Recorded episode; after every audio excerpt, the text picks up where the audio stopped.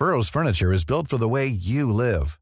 From ensuring easy assembly and disassembly to honoring highly requested new colors for their award-winning seating, they always have their customers in mind. Their modular seating is made out of durable materials to last and grow with you. And with Burrow, you always get fast, free shipping. Get up to 60% off during Burrow's Memorial Day sale at burrow.com slash ACAST. That's burrow.com slash ACAST. burrow.com slash ACAST. Planning for your next trip? Elevate your travel style with Quince. Quince has all the jet-setting essentials you'll want for your next getaway, like European linen, premium luggage options, buttery soft Italian leather bags, and so much more. And it's all priced at 50 to 80% less than similar brands. Plus, Quince only works with factories that use safe and ethical manufacturing practices. Pack your bags with high-quality essentials you'll be wearing for vacations to come with Quince. Go to quince.com slash trip for free shipping and 365-day returns. Millions of people have lost weight with personalized plans from Noom, like Evan, who can't stand salads and still lost 50 pounds. Salads, generally, for most people, are the easy button, right? For me, that wasn't an option. I never really was a salad guy. That's just not who I am. But Noom worked for me. Get your personalized plan today at Noom.com. Real Noom user compensated to provide their story. In four weeks, the typical Noom user can expect to lose one to two pounds per week. Individual results may vary. Palmemordet, Sydafrikaspåret del 5, Förhören.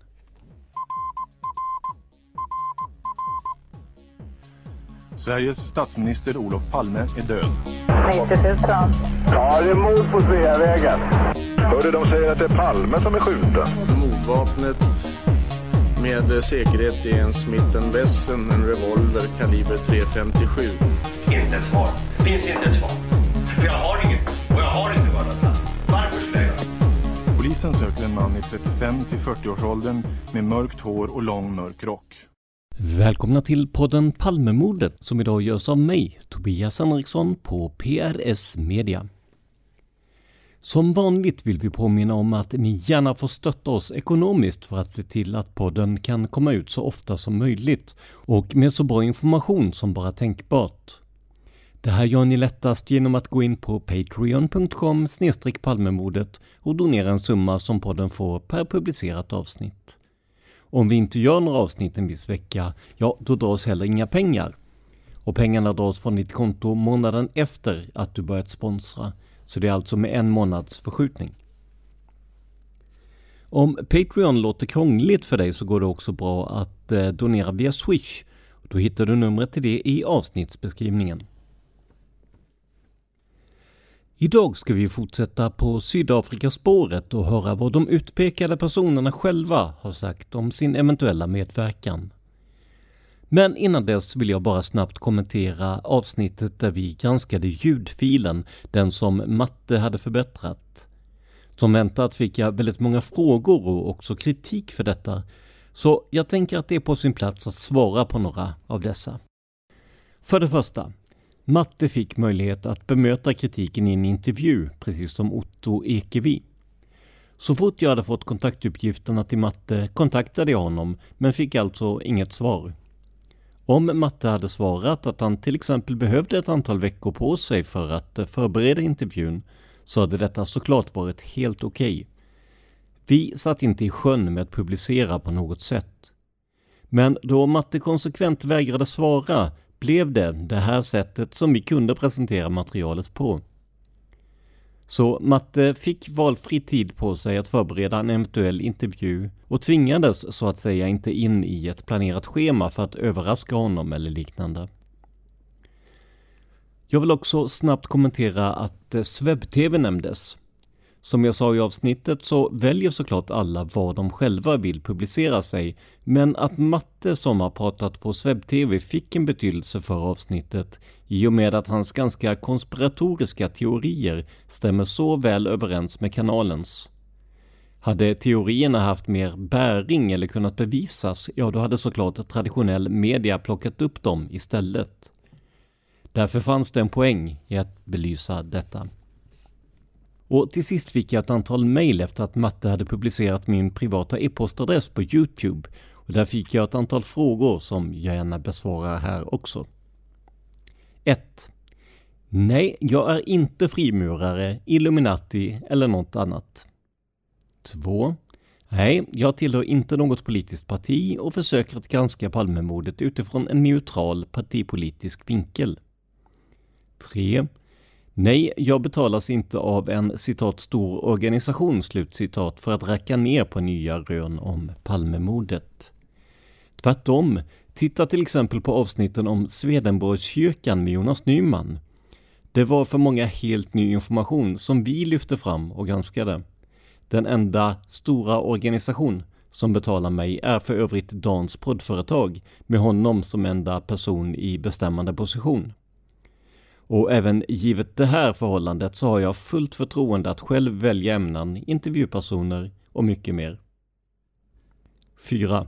Nej, detta var inte det sämsta jag gjort. Det finns faktiskt avsnitt som är betydligt mycket värre. Jag rekommenderar er inte att lyssna på dem dock. Eh, tvärtom tycker ungefär 95% att avsnitten om ljudfilen var bland det bästa vi har gjort. Så med det hoppas jag att vi har rätt ut en del av den storm som uppstod efter mitt förra avsnitt. Och nu ska vi alltså istället halvvägs runt jorden igen för att prata med de personer som sade sig ha en koppling till Palmemordet från Sydafrikas sida. Och just Sydafrikaspåret är ju ett sånt där spår som lätt glider ifrån en för det kan tyckas ganska komplext och lite diffust i kanterna. Därför har jag valt att låta huvudpersonerna själv tala i det här avsnittet. Det kommer att bli mycket information från olika förhör, men jag känner att informationen i dessa är så pass viktig att vi behöver få med dem i alla fall. Först ut är den inte helt okände Eugene de Kock, en tidigare säkerhetsofficer som pekade ut Craig Williamson som mannen som höll i vapnet. Förhören hölls på plats i Sydafrika 1996 men tycks ha registrerats först 1997 enligt de källor jag har tillgång till.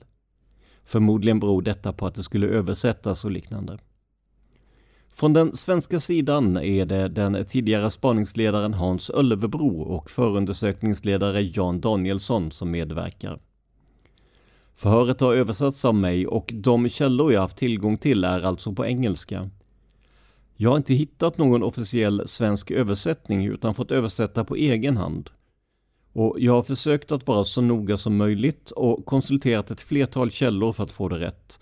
Men det kan hända att eh, till exempel titlar inom polisen i Sydafrika kan ha en annan svensk benämning. Citat.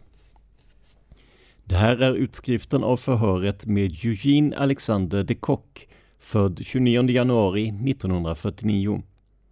Förhöret hölls fredagen den 11 oktober 1996 och började 17.15.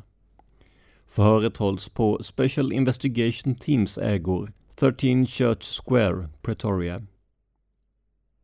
Det är spaningsledaren Hans Ölvebro som leder förhöret, assisterad av chefsåklagare Jan Danielsson.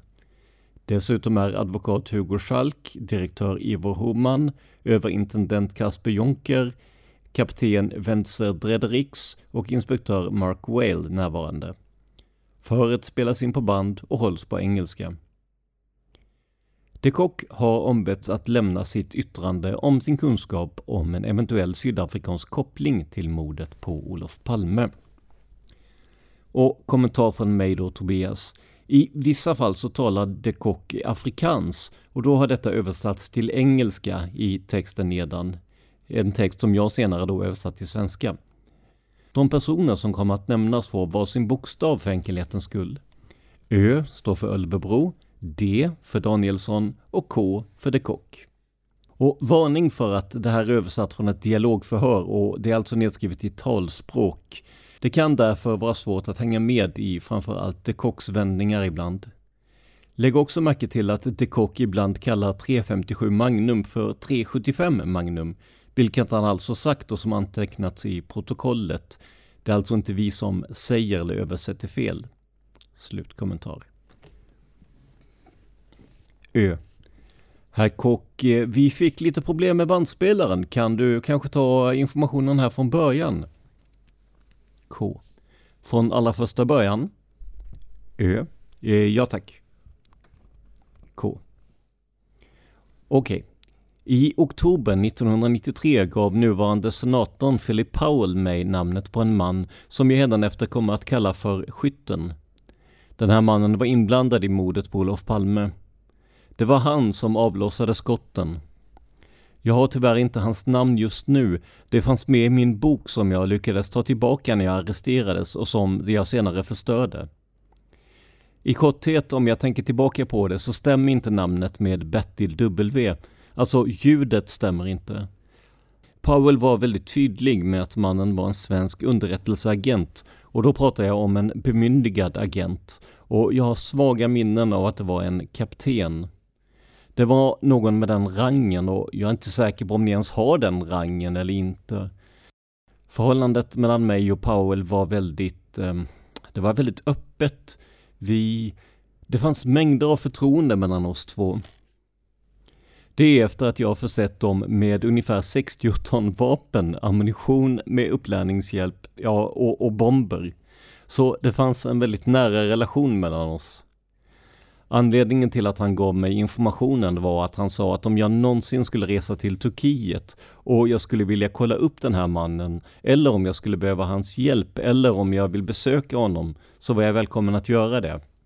Och han gav mig namnet på personen, hans postboxnummer, det var ett gatunummer, det var ett telefonnummer, och det var inte någon typ av Sypen eller norra Sypen, det var själva Turkiet. Det var så han gav det till mig. För att ge er en bakgrund om Powell så jobbade han för den sydafrikanska polisen i störande ljud på bandet som kallas Stratcom. Det står för Strategic Communications som var inblandade i propaganda, ni vet kontrapropaganda och även i mer eller mindre smutsiga trick, dirty tricks. Han lämnade sedan Sydafrikas polis och gick med i en frontorganisation till den militära underrättelsetjänsten som kallades Long Reach. Long Reach var alltså arméns projekt. De kategoriserade det under eh, Kategoriseringen det fick var DCI, alltså Direktorat of Covert Intelligence, eller för hemlig inhämtning. Jag känner till den speciella enheten väldigt väl eftersom vi också jobbade tillsammans vid olika tillfällen. Det fanns också en annan grupp eh, som var internationell, Freedom Foundation, som också var ett projekt inom DCI som också gick ihop med Operation Longreach. Craig Williamson var chef för Longreach. Jag vet inte vilka de andra personerna var. Jag känner till en tidigare polisman som heter Censur, som numera äger en bar och restaurang på Quay 4 i Cape Town. Eh, det är en av pirerna, den är väldigt, väldigt populär. Han var också involverad i Long Reach. Eh, de använde det förresten. De brukade flyga iväg, han och hans flickvän, de brukade flyga på en fredag, ni vet, kväll, flyga till London för arméns pengar, handla på Harrods och flyga tillbaka på söndag kväll igen. Så det ger en uppfattning om vilken volym pengar de här människorna hade. Och, och, just det, efter att Long Reach hade stängts ner var DCI ganska panikslagna. För de anklagade Craig Williamson för att ha förskingrat mellan 8 och 10 miljoner rand. Och fortfarande idag har vi inte kunnat hitta allt. Men det är bara en parentes. The International Freedom Foundation, personen som basade där hette Censur.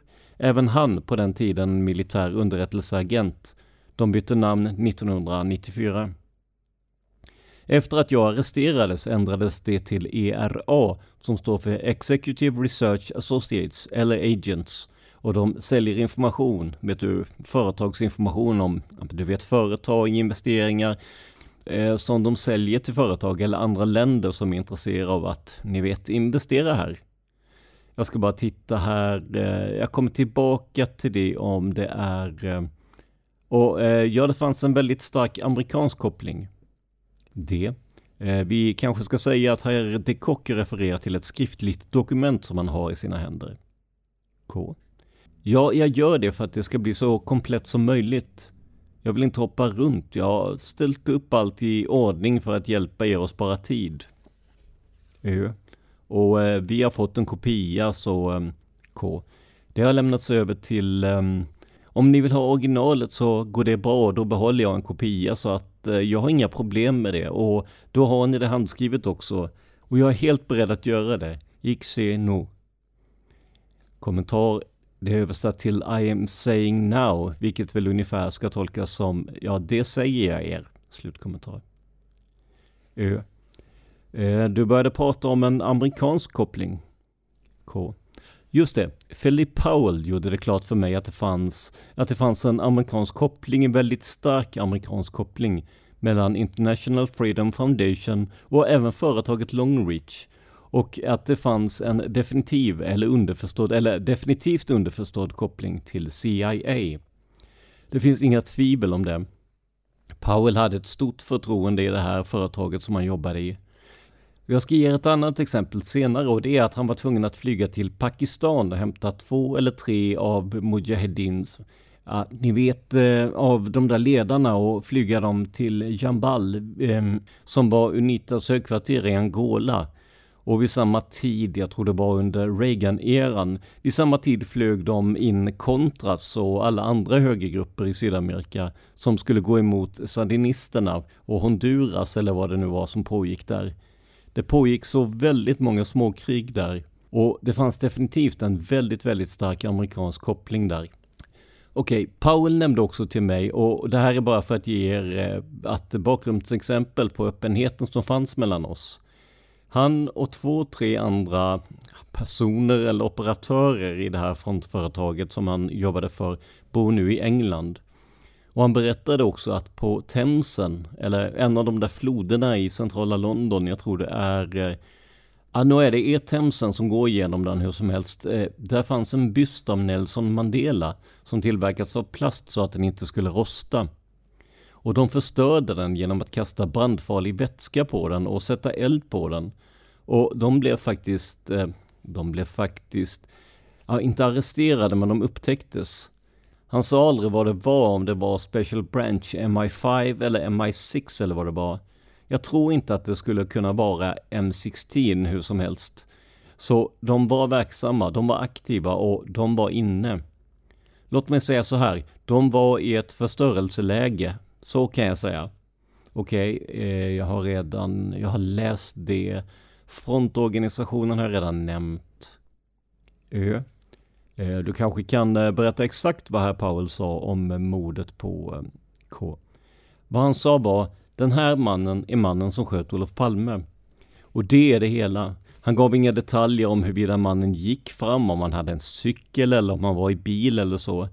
Jag har gjort en lista på ungefär 4-5 delar av information som jag fick från Lindström så att ni vet eh, så att ni vet om vad han gav oss och det är ungefär 6 eller 7 så att vi inte blandar ihop vad jag säger med vad han sa. Kommentar här avses alltså Tommy Lindström som tidigare hade haft kontakt med de Kock. Slutkommentar. Ö. Mm, Okej. Okay. K. Paul var orubblig vad gällande att den här mannen var en mördare. Det är inget snack om saken. Och, och, att den här mannen jobbade för Craig Williamson, samma Craig Williamson som var chef för operationerna kring mordet på Olof Palme. Det finns ingen tvekan om det. Om jag hade haft några tvivel skulle jag inte ha nämnt det i, ni vet, rätten. Så snart som Palme sköts pekade alla fingrarna mot Williamson och hans grupp. Vi i CCB, Civil Corporation Bureau, och min egna enhet lika väl som andra enheter i arméns rekognoseringsarmé hade det fanns en interaktion mellan oss, så vi visste oftast eh, vem som utförde vilken operation. Vi, vi skulle inte namnge, vi skulle inte kunna namn... Vi skulle inte kunna namnge operatörerna, men vi visste, eller vi visste vilka operatörer som var inblandade i det, så att vi inte skulle gå över gränsen och döda varandras källor. Eller ni vet, lyckas störa en operation som redan var igång. Och sen hade vi också en slags fingeravtryck vet ni. Man kunde genom utförandet av operationen veta vem det var efter en viss incident där vi bombade ett gudshus. Jag menar, vi liksom, vi berättade aldrig för någon om det. Och sedan frågade jag en av grabbarna på CCB, hur kan du säga att det var vi? Och han sa, ja, om det inte är vi så måste det vara ni. Ni vet, det var bara så där det gick till. Det finns, ehm, det, det fanns en metod som eh, gick att identifiera, inget tvivel om det. Någonting mer direkt om Powell? Det Eh, ja tack, vad pratade du med herr Powell? K. Det var i baslägret som låg intill viltreservatet. What is die? Alltså, vad är det? Det låg intill viltreservatet Umfolosi. Det är ett basläger som avgränsades med ett staket och vi satt på natten där och vi, ehm, och vi ah, pratade generellt vet du och sen gav han mig den här informationen helt själv. Ingen tvingade fram det ur honom. Jag överraskades faktiskt av hans öppenhet. Jag bad inte om den här informationen, den kom fram i konversationen.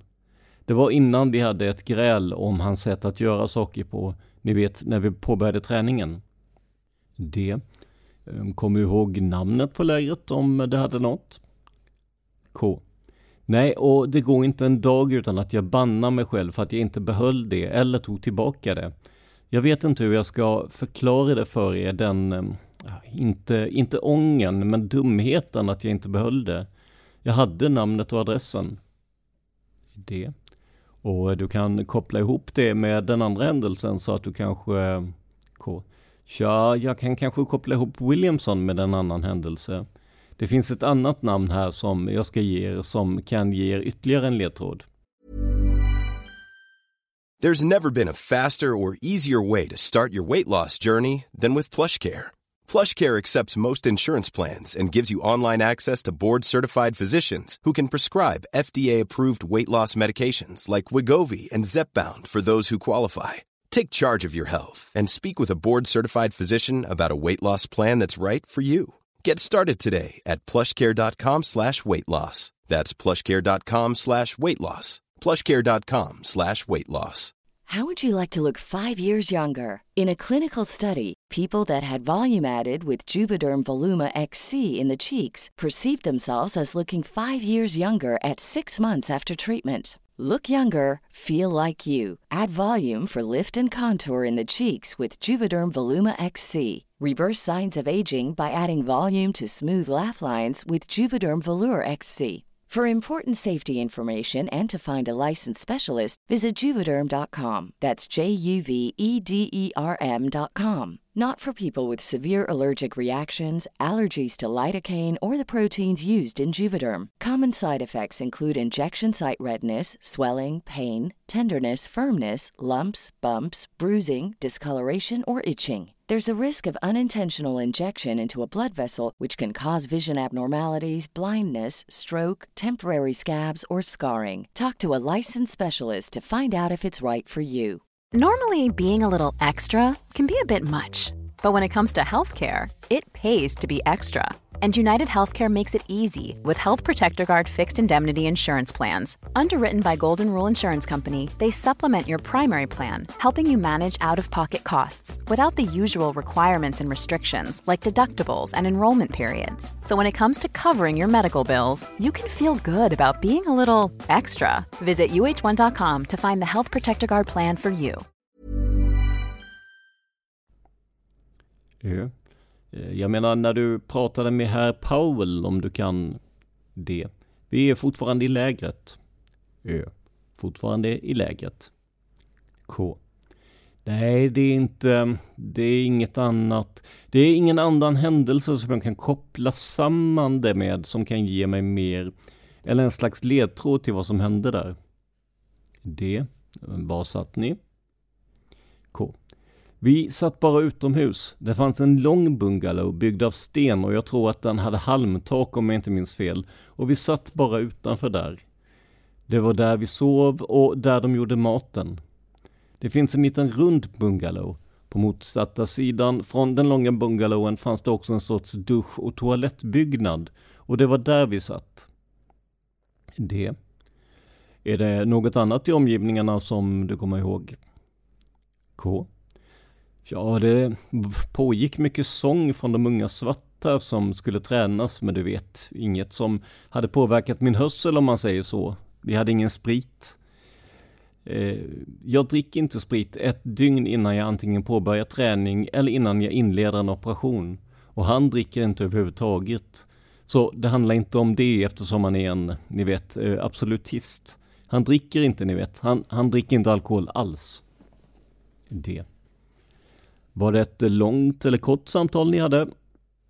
K. Det var ett vanligt samtal vet du. Det flöt på. Han eh, pratade vet du om det här. Jag, om jag inte minns fel, refererade jag till någon operation i Swaziland och eh, det jag försökte göra var att jämföra internationella standarder på operationer. Jag ville verkligen se det här. Skulle vi kunna agera i Europa? Om en sådan order skulle komma och jag hade inga tvivel på att vi kunde, bortsett från vissa länder, man eh, skulle behöva vara, du vet, mer försiktig och sedan skulle jag inte vilja agera alls i vissa länder. D. Eh, när du pratade med herr Powell? K. Ja, det. Pratade du med honom om det här ämnet i en timme eller 20 minuter eller flera timmar? När, när började ni och när slutade ni? K. Det kom fram i en generell diskussion som eh, varade ungefär fem minuter, sex minuter. Det var mer um, det var mer en referens och sedan en diskussion om sagda referens. Vad jag personligen tror är att han gav mig sitt CV. Han var inte känd för mig som operatör. Han deltog inte i Bushstrider. Han var inte verksam i grannländerna i kontaktsituationer där de var tvungna att skjuta eller döda människor. Han var inte inblandad i grannländerna och att bomba ställen. Så han hade ingen operativ bakgrund, vilket jag, för att svara på din fråga, var lite skeptisk till, för han gav order. Okej, här är operationen, det här är hans bebis, träningen av självförsvarsgrupper, men när jag kom med vissa förslag och han sköt ner dessa så vill jag veta varför. Och jag tror att han gav mig ett grundläggande CV över sin bakgrund, hans egna kunskap för att locka fram mer tillit i mig. Det var intrycket jag fick. Det. Okej, okay, så jag frågade igen. Kommer du ihåg hur länge det här samtalet varade? Pratade du med honom i fem minuter, 20 minuter, flera timmar? K. Jag, alltså hela konversationen, den eh, generella konversationen kan ha pågått upp till en halvtimme, trekvart. Och det är om, eh, och det är om jag minns rätt, och det där med Palme som sades i förbigående, för det intresserade mig inte. Låt mig uttrycka mig så. Jag hade ingen medkänsla för Sverige på den tiden. Det var det någon annan K. Med tanke på deras ställningstagande mot, ni vet, sydafrikanska regeringen. Så att eh, vi har det på det klara. Och, men det intresserade mig på det sättet att här kom en bekräftelse på Williamsons medverkan. Det. Var någon annan närvarande? K. Nej, det var bara vi två. D. Har någon annan sett er två tillsammans vid det här tillfället? K. Jag antar att det skulle ha kunnat vara några svarta som såg oss tillsammans. Men om vi kommer att kunna identifiera dem eller inte, det är åtta, nio som jag lade märke till av dem. Och även om de såg oss så pratade vi bara med varandra eller gick och pratade om träningen. Den sortens träning som vi ger och som vi håller för oss själva. Ibland avslöjade vi lite om ni vet Butulesi som han gav mig personligen, hans hälsa, hans rädsla för häxdoktorer och sådana saker som, som kan vara intressanta eller inte intressanta alls för allmänheten. Men det här var en personlig konversation. Det. Som du kanske vet har Powell förnekat att det förekom en konversation som den här. K. Ja, jag har sett det i tidningarna. Ö. Låt oss säga att han bara, att bara slapp ur honom. Är det något annat speciellt som du kommer ihåg av den här konversationen? Något som hände? K.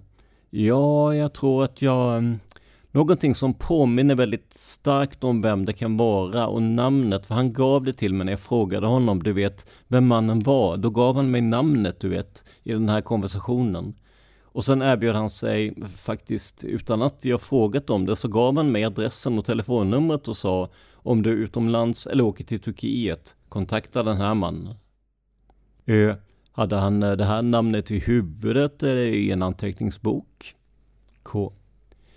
Nej, det är som jag känner befälhavaren. Det är som, eh, det är inte så att han skulle rota runt och leta efter namn. Det är som att han säger, nu går vi och tar en öl. Det är, ehm, med lätthet. Det är kunskap. Och för att återgå till den förra frågan så vill jag svara att eh, och det jag tror skulle aktivera hans minne väldigt mycket är att han sitter och väntar på att bli åtalad för att ha tagit emot vapen och för vapeninnehav etc. etc. Och min personliga uppfattning är att han håller tillbaka för att antingen förhandla eller använda det för att köpslå. Det hyser jag inget tvivel om.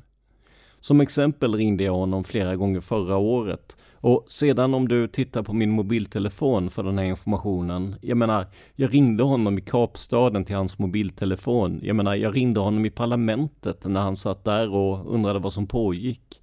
Så det fanns den här öppenheten mellan oss. Och jag frågade honom vid flera tillfällen om han kunde ge mig namnet igen och han sa att han inte kan göra det nu. Sen, sen ringde jag honom för två eller tre månader sedan och sa Hör här, ordnade du namnet åt mig? Och han sa Lyssna, jag vet inte, jag kommer inte ihåg namnet. Men folk som vet allt om, det, om hela operationen är Mr John T. Leontinis och hans fru Cindy som har ett dagis i Johannesburg. De arbetade för Craig Williamson innan, när de var inom polisen och de drev också frontföretag. Så de jobbade också för Craig Williamson när han lämnade polisen. De jobbade också för honom inom den militära underrättelsetjänsten. Jag hyser inga tvivel om att Powell minns allt väldigt väl den dagen han åtalas. Jag kan inte heller se hur han skulle kunna klara sig och bli förklarad icke skyldig. Jag menar det är, ni vet, tontals med ammunition som man inte bara kan gömma undan. Så jag har inga tvivel om att han håller tillbaka det som en förhandlingsgrej. Det är min åsikt. Det. Nämnde han något mer om den här personen än hans namn och adress? Eh, till exempel ålder eller familjesituation? K. Nej, det gjorde han inte. Nej, det gjorde han inte. Om han gjorde det så hittar ni det i anteckningarna det med. Jag har gjort anteckningarna så fullständiga som möjligt, utom för var han satt och hur länge vi pratade, du vet. Men han nämnde, han nämnde inte, du vet, om familjen. Vanligtvis när vi pratar och i mina egna enheter så nämner vi aldrig familjen, barn eller liknande. Det var bara ett samtal mellan två män. Det. Jag är inte säker på att jag förstod, sa Powell, hur han hade fått den här kunskapen. K. Han arbetade i... Eh, han arbetade för ett av de här frontföretagen. Fråga Craig Williamson. Det. Men eh, nämnde han någon annan person eller så? K. Han sa inte att han var med i operationen, vilket inte är omöjligt. Han var i ett eh, frontföretag som, eh, som organiserades under Longreach och International Freedom Foundations paraply. Och det var där han fick kunskapen. Så det är inte omöjligt att han var involverad i operationen själv.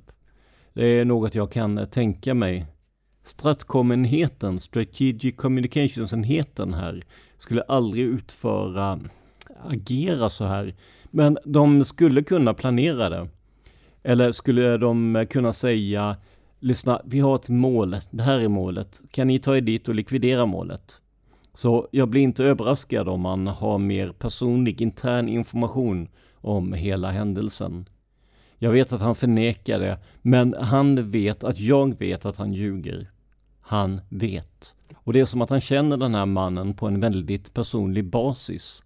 Det är inte som att han eh, behövde leta efter namn han behövde inte leta, han behövde inte kolla in sin anteckningsbok. Han hade någon sorts anteckningsbok. Jag kan inte ge beskrivningar av den. Namnet gav han mig och adressen och telefonnumret gav han mig ur anteckningsboken. Ö. Men om vi fortsätter och du berättar om informationen du fick från herr Lindström. K. Ja, det är inte mycket. Han eh, ställde en massa frågor. Jag gav honom mycket mindre än vad som är här i. Jag tror att om ni visar era anteckningar så är det i korthet vad vi gav honom. I början var jag ganska deprimerad. Jag kände att det här är på riktigt. Eh, det här är något verkligt som händer. Men tids nog blev han för tystlåten för en förhörsledare i någon typ av fall. Och han rådde oss faktiskt att hålla tillbaka vissa saker. Jag vet inte varför, för det, det är inte något vanligt för en förhörsledare. Jag menar, vanligtvis vill de ha allt. Jag gjorde en kort lista på information som han gav oss, för jag visste inte vilken kaliber vapnet hade och vilken typ det var. Han sa att det var en revolver 357 Magnum eller en 375 Magnum. Jag vet inte hur många skott som avlossades. Jag frågade honom och han sa att det var ett skott som avlossades mot ministern och ett mot hans fru. Jag vet inte om det är så det är. Eh, jag vet inte. Han pratade och det var på natten. Han såg, eh, Han sa att ministerns fru såg ansiktet på skytten. Jag rådde honom då att fruns säkerhet borde uppgraderas ordentligt, för jag menar hon är i en position där hon kan identifiera om det var sant som han sa till mig.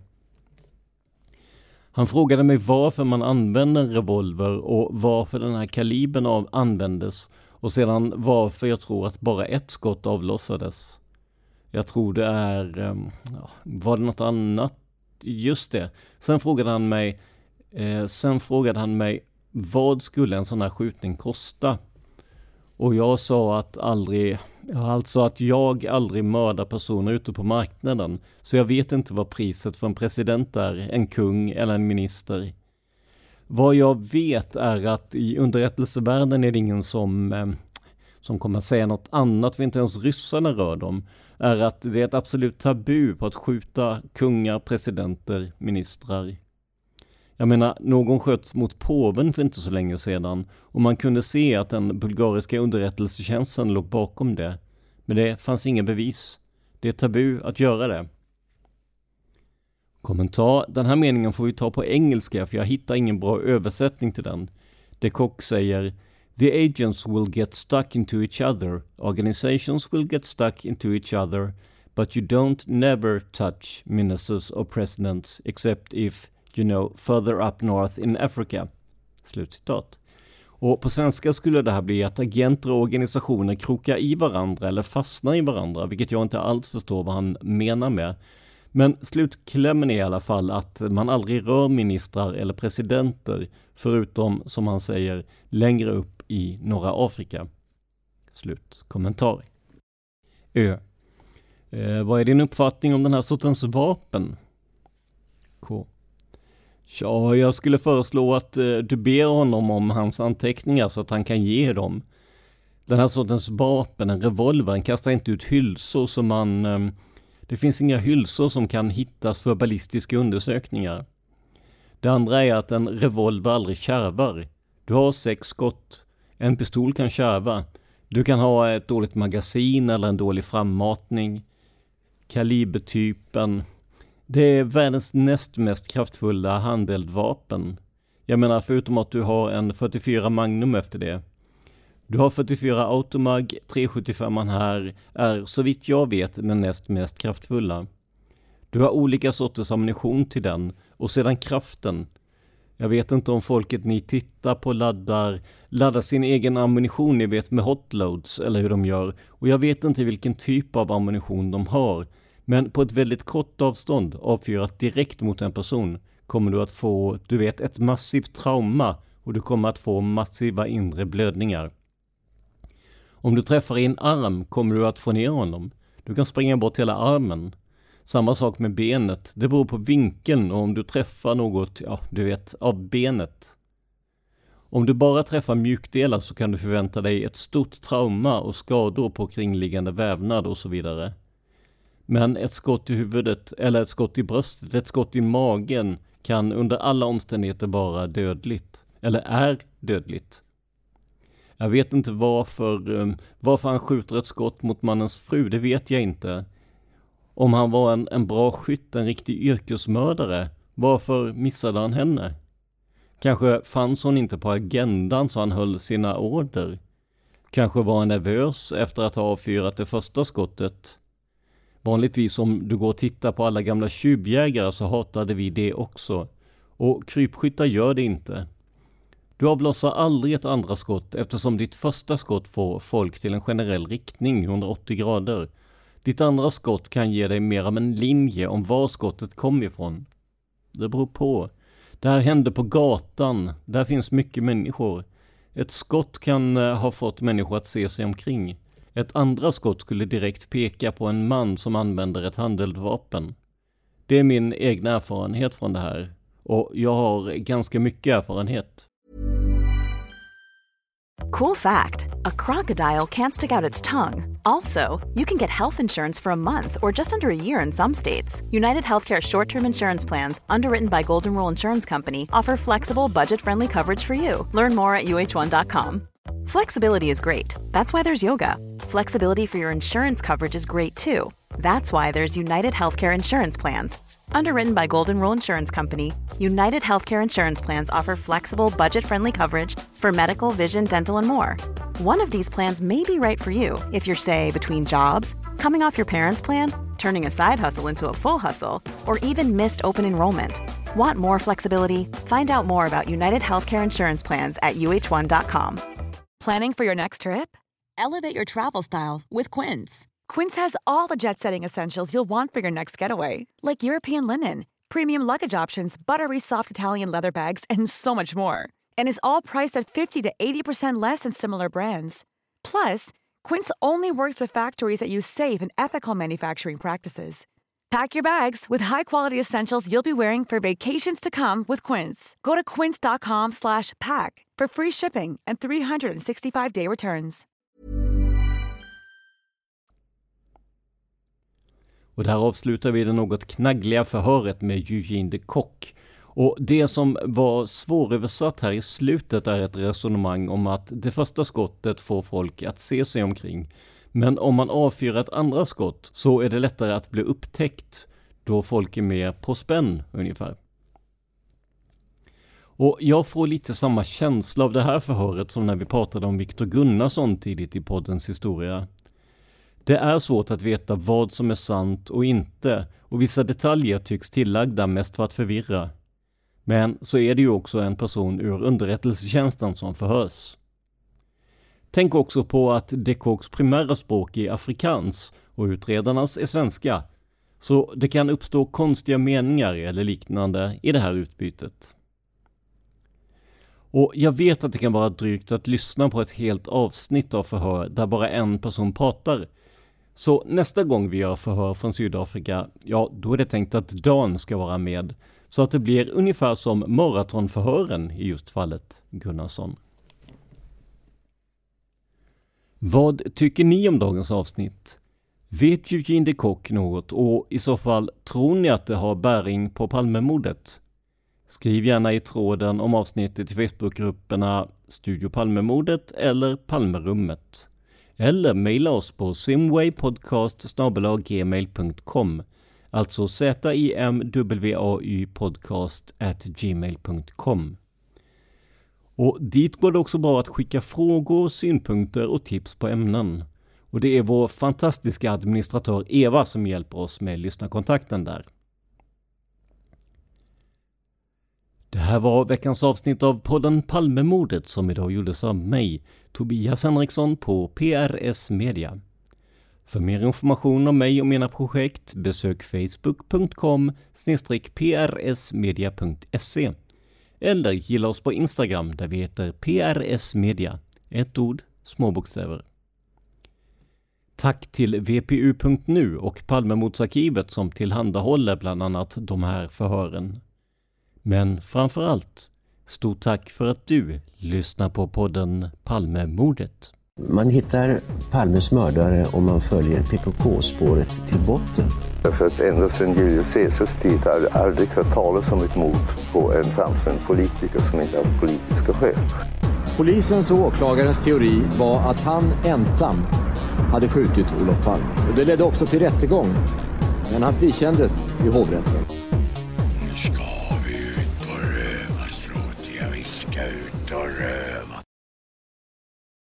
Du avlossar aldrig ett andra skott eftersom ditt första skott är Alabachikalabom. Ett andra skott skulle direkt på pä.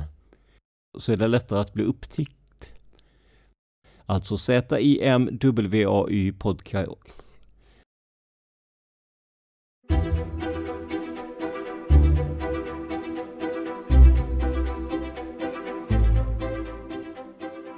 I en tid där åsikter alltmer fått överhanden på fakta är det svårt att veta vad som är sant eller inte.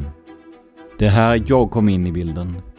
Genom min egna podcast Tänk om har jag sedan 2019 granskat konspirationsteorier och myter om vitt skilda ämnen. Bland de gäster jag har haft med finns den inte helt obekanta Dan Hörning som både pratat om Storsjö och djuret och seriemördare med mig. Så skaffa dig fakta på ett underhållande och lärorikt sätt. Sök på Tänk om i valfri poddapp och börja din kryssning mellan konspirationsteorier och fakta. Jag heter Tobias Henriksson. Välkommen att lyssna på Tänk om.